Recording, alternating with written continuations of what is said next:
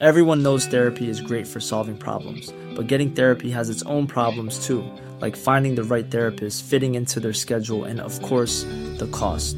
Well, BetterHelp can solve those problems. It's totally online and built around your schedule. It's surprisingly affordable too. Connect with a credentialed therapist by phone, video, or online chat, all from the comfort of your home. Visit betterhelp.com to learn more and save 10% on your first month. That's BetterHelp, H E L P. aku Iren Evita. Terima kasih sudah mengunjungi dan mendengarkan podcast Dongeng Tidur. Kalau ada orang-orang yang gak suka ke rumah sakit atau dokter, katanya dokter juga begitu. Karena artinya ada yang sakit. Walau buat beberapa orang itu, hal itu adalah pekerjaannya dan pemasukannya. Berapa lama kamu pernah dirawat di rumah sakit?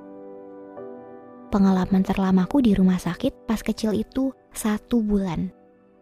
Saat aku hari pertama SD kelas 1. Jadi setelah sembuh dan bisa masuk kelas lagi, aku benar-benar tidak terbiasa dan gak tahu apa pun.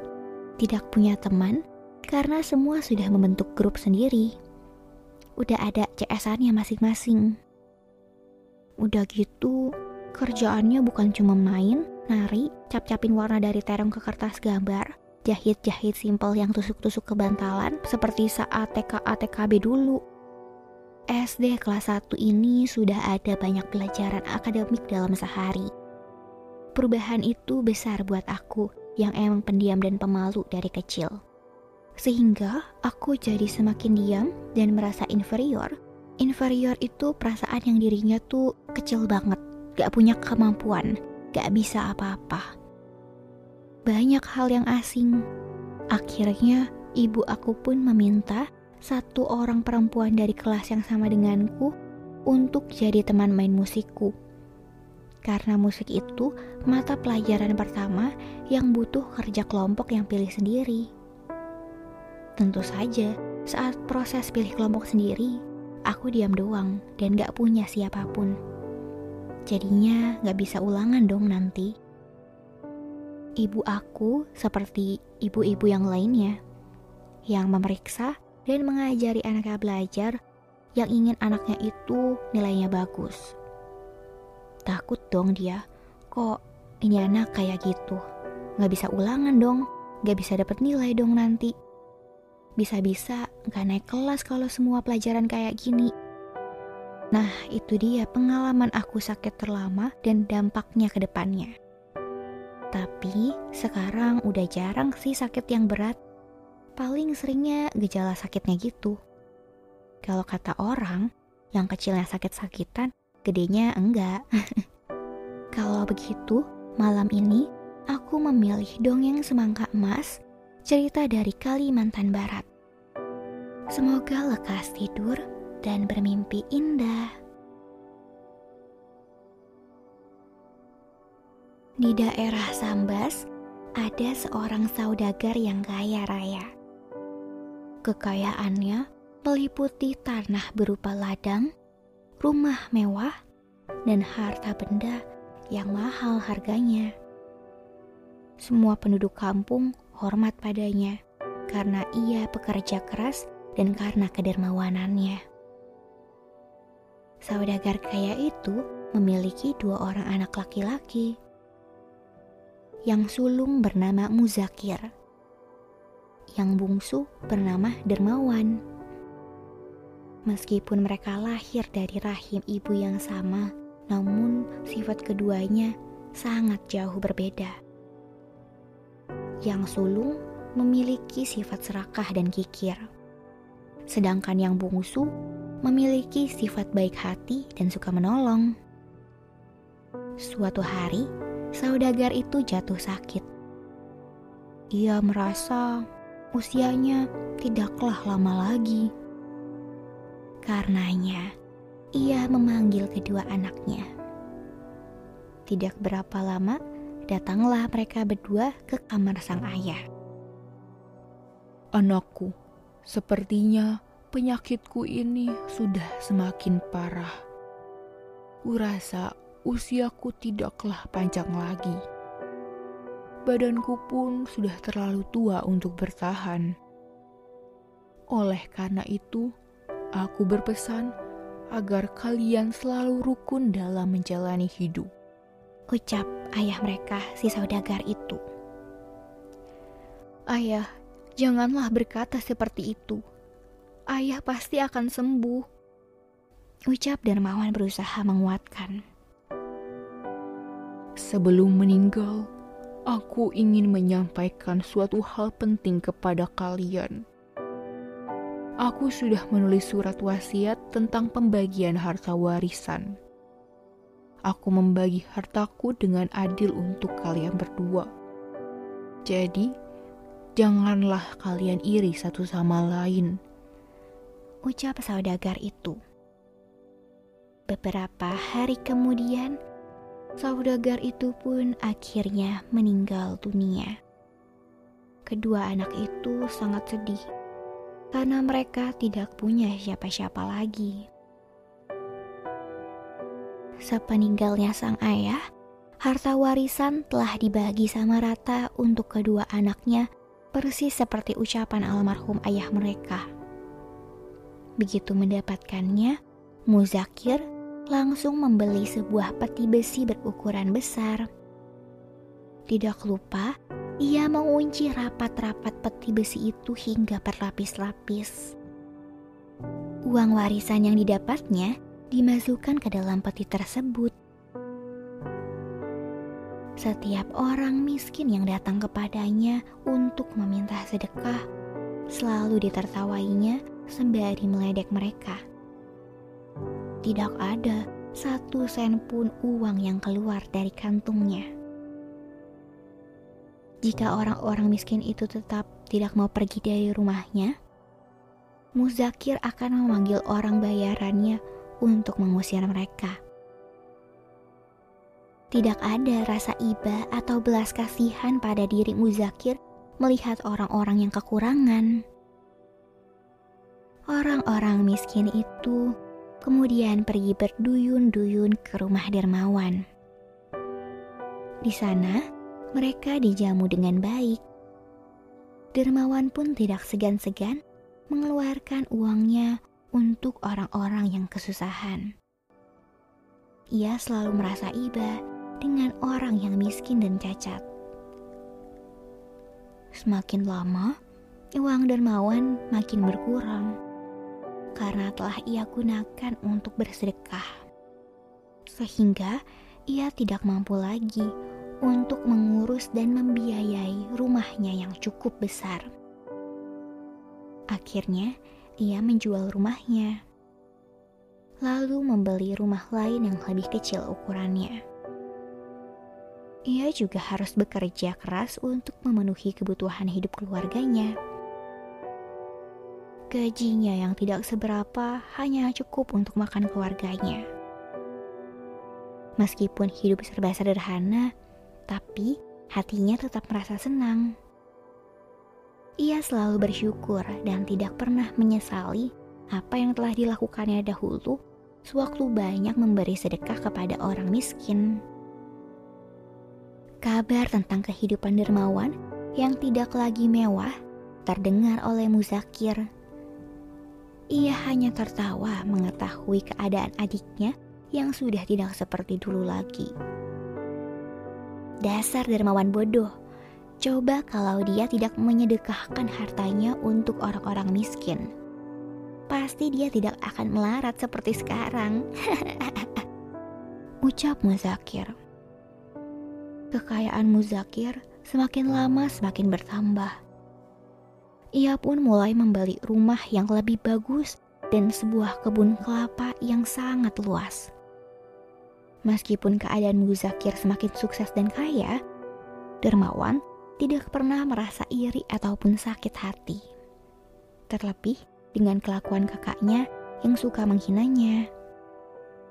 Suatu hari, Dermawan sedang duduk santai di halaman rumahnya. Tiba-tiba, jatuh seekor burung pipit tepat di hadapannya. Burung itu mencicit kesakitan. Ternyata sayap burung pipit itu patah. Aduh, malang benar nasibmu. Pasti kau kesakitan dan tidak bisa terbang. Ucap Dermawan. Dengan perlahan, Dermawan mengangkat burung pipit yang malang itu, lalu membaringkannya di atas lembar daun. Ia membalut sayap burung pipit itu dengan selembar kain kecil. Setelah itu, diberinya segenggam beras untuk makan si pipit. There's never been a faster or easier way to start your weight loss journey than with PlushCare.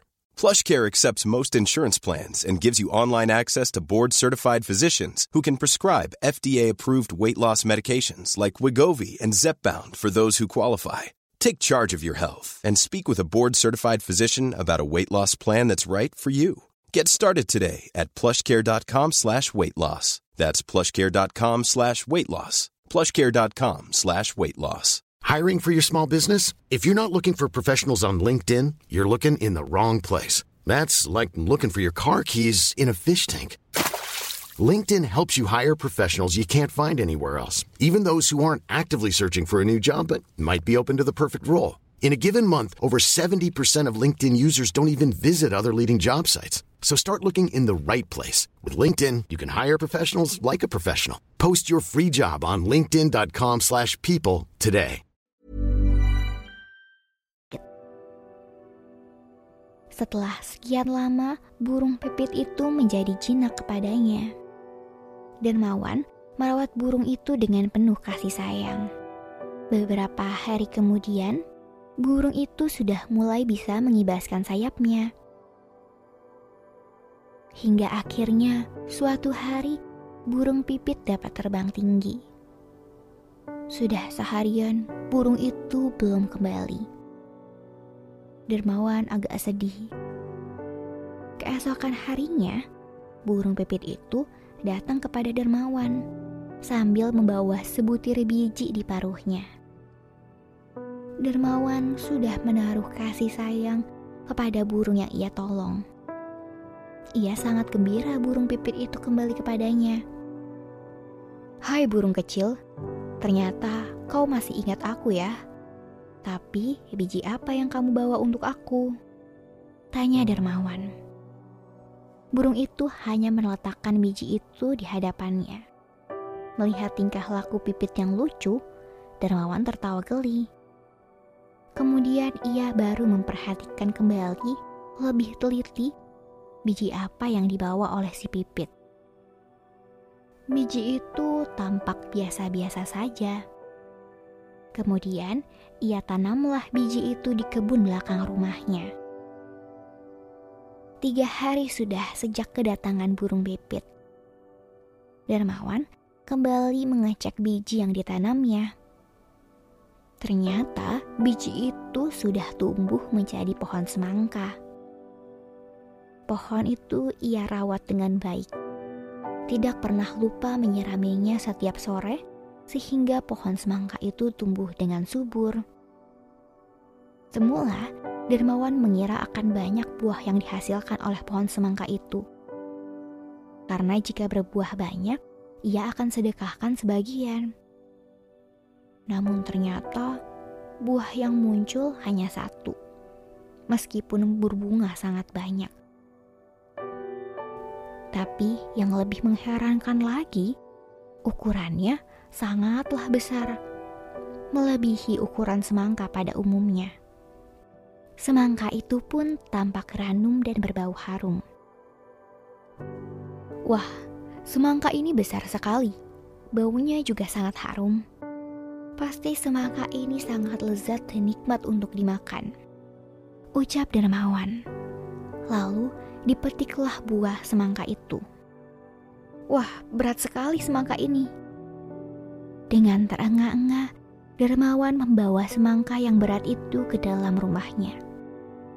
Setelah diletakkan di atas meja, Dermawan membelahnya dan betapa terkejutnya ia. Ya Tuhan, apa ini? Ketika semangka itu dibelah, malah berisi pasir berwarna kekuningan. Dermawan memperhatikan pasir itu dengan seksama. Ternyata pasir itu adalah emas murni yang terurai. Mata dermawan terbelalak tidak percaya. Ia sempat tertegun sejenak, lalu menari-nari kegirangan. Tidak berapa lama, Dermawan mendengar suara burung pipit berkicau. Dicarinya sumber suara itu. Terima kasih burung pipit, ucap Dermawan. Keesokan harinya, Dermawan membeli rumah mewah dengan pekarangan yang sangat luas. Ia pun tidak segan-segan memberi makan pada orang-orang miskin yang datang ke rumahnya. Meskipun sering menyedekahkan harta, Dermawan tidak pernah jatuh miskin seperti dulu. Sebab hartanya sangat banyak dan hasil kebunnya melimpah hingga tak akan habis. Melihat keberhasilan adiknya, Muzakir menjadi iri hati. Bagaimana dermawan yang sudah jatuh miskin dalam sekejap menjadi orang yang sangat kaya? Aku harus mencari tahu tentang hal ini. Pikir Muzakir. Karena penasaran, keesokan harinya ia berkunjung ke rumah adiknya Darmawan. Muzakir bertanya bagaimana adiknya bisa kaya mendadak. Dengan jujur, Darmawan menceritakan kejadian yang dialaminya. Setelah mendengar hal itu, Muzakir menyuruh bawahannya untuk mencari burung pipit yang patah kaki atau sayapnya. Kalian harus mencari burung pipit yang terluka. Carilah ke mana saja sampai kalian menemukannya, lalu bawa ke hadapanku. Perintah Muzakir. Sudah seminggu berjalan, tetapi orang-orang suruhan Muzakir belum juga berhasil mendapatkan burung pipit seperti yang diminta. Muzakir sangat marah dan tidak bisa tidur tenang. Ia terus memikirkan cara bagaimana burung pipit itu bisa ia dapatkan. Setelah beberapa saat berpikir, akhirnya ia menemukan sebuah cara. Disuruhlah seorang bawahan untuk menangkap seekor burung pipit dengan menggunakan pencapit. Tentu saja, hal ini membuat sayap burung yang tertangkap patah. Lalu, Muzakir berpura-pura kasihan kepada burung itu dan mengobatinya hingga sembuh. Beberapa hari kemudian, burung pipit itu terbang kembali. Keesokan harinya, sang burung pipit datang kembali ke tempat Muzakir dengan membawa sebutir biji. Dengan gembira, Muzakir menanam biji itu di kebunnya dan dirawatlah dengan sangat baik sehingga menjadi sebuah pohon semangka yang memiliki buah yang juga sangat besar. Bahkan, jika dibandingkan dengan semangka yang ditanam di kebun dermawan, ukuran punya Muzakir lebih besar semangkanya. Sampai-sampai saat ia memetik dan membawa buah itu ke dalam rumah, ia butuh bantuan bawahannya. Dengan penuh semangat, Muzakir mengambil sebuah parang. Dibelahnya semangka itu dengan hati-hati. Namun sangat terkejutlah Muzakir ketika buah semangka yang dibelahnya tiba-tiba menyemburkan lumpur hitam bercampur kotoran hingga mengenai wajahnya. Baunya pun busuk seperti bangkai. Pakaian Muzakir dan permadani yang ada di rumahnya terpercik lumpur hitam. Marahlah Muzakir bukan kepalang. Ia pun lari keluar sambil berteriak-teriak. Orang-orang di sekitarnya hanya tertawa terbahak-bahak dan bertepuk tangan melihat Muzakir yang kikir terkena batunya.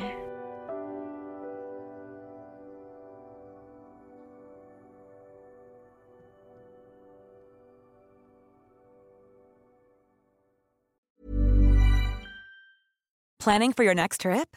Elevate your travel style with Quince. Quince has all the jet setting essentials you'll want for your next getaway, like European linen, premium luggage options, buttery soft Italian leather bags, and so much more. And is all priced at 50 to 80% less than similar brands. Plus, Quince only works with factories that use safe and ethical manufacturing practices. Pack your bags with high-quality essentials you'll be wearing for vacations to come with Quince. Go to quince.com/pack for free shipping and 365-day returns.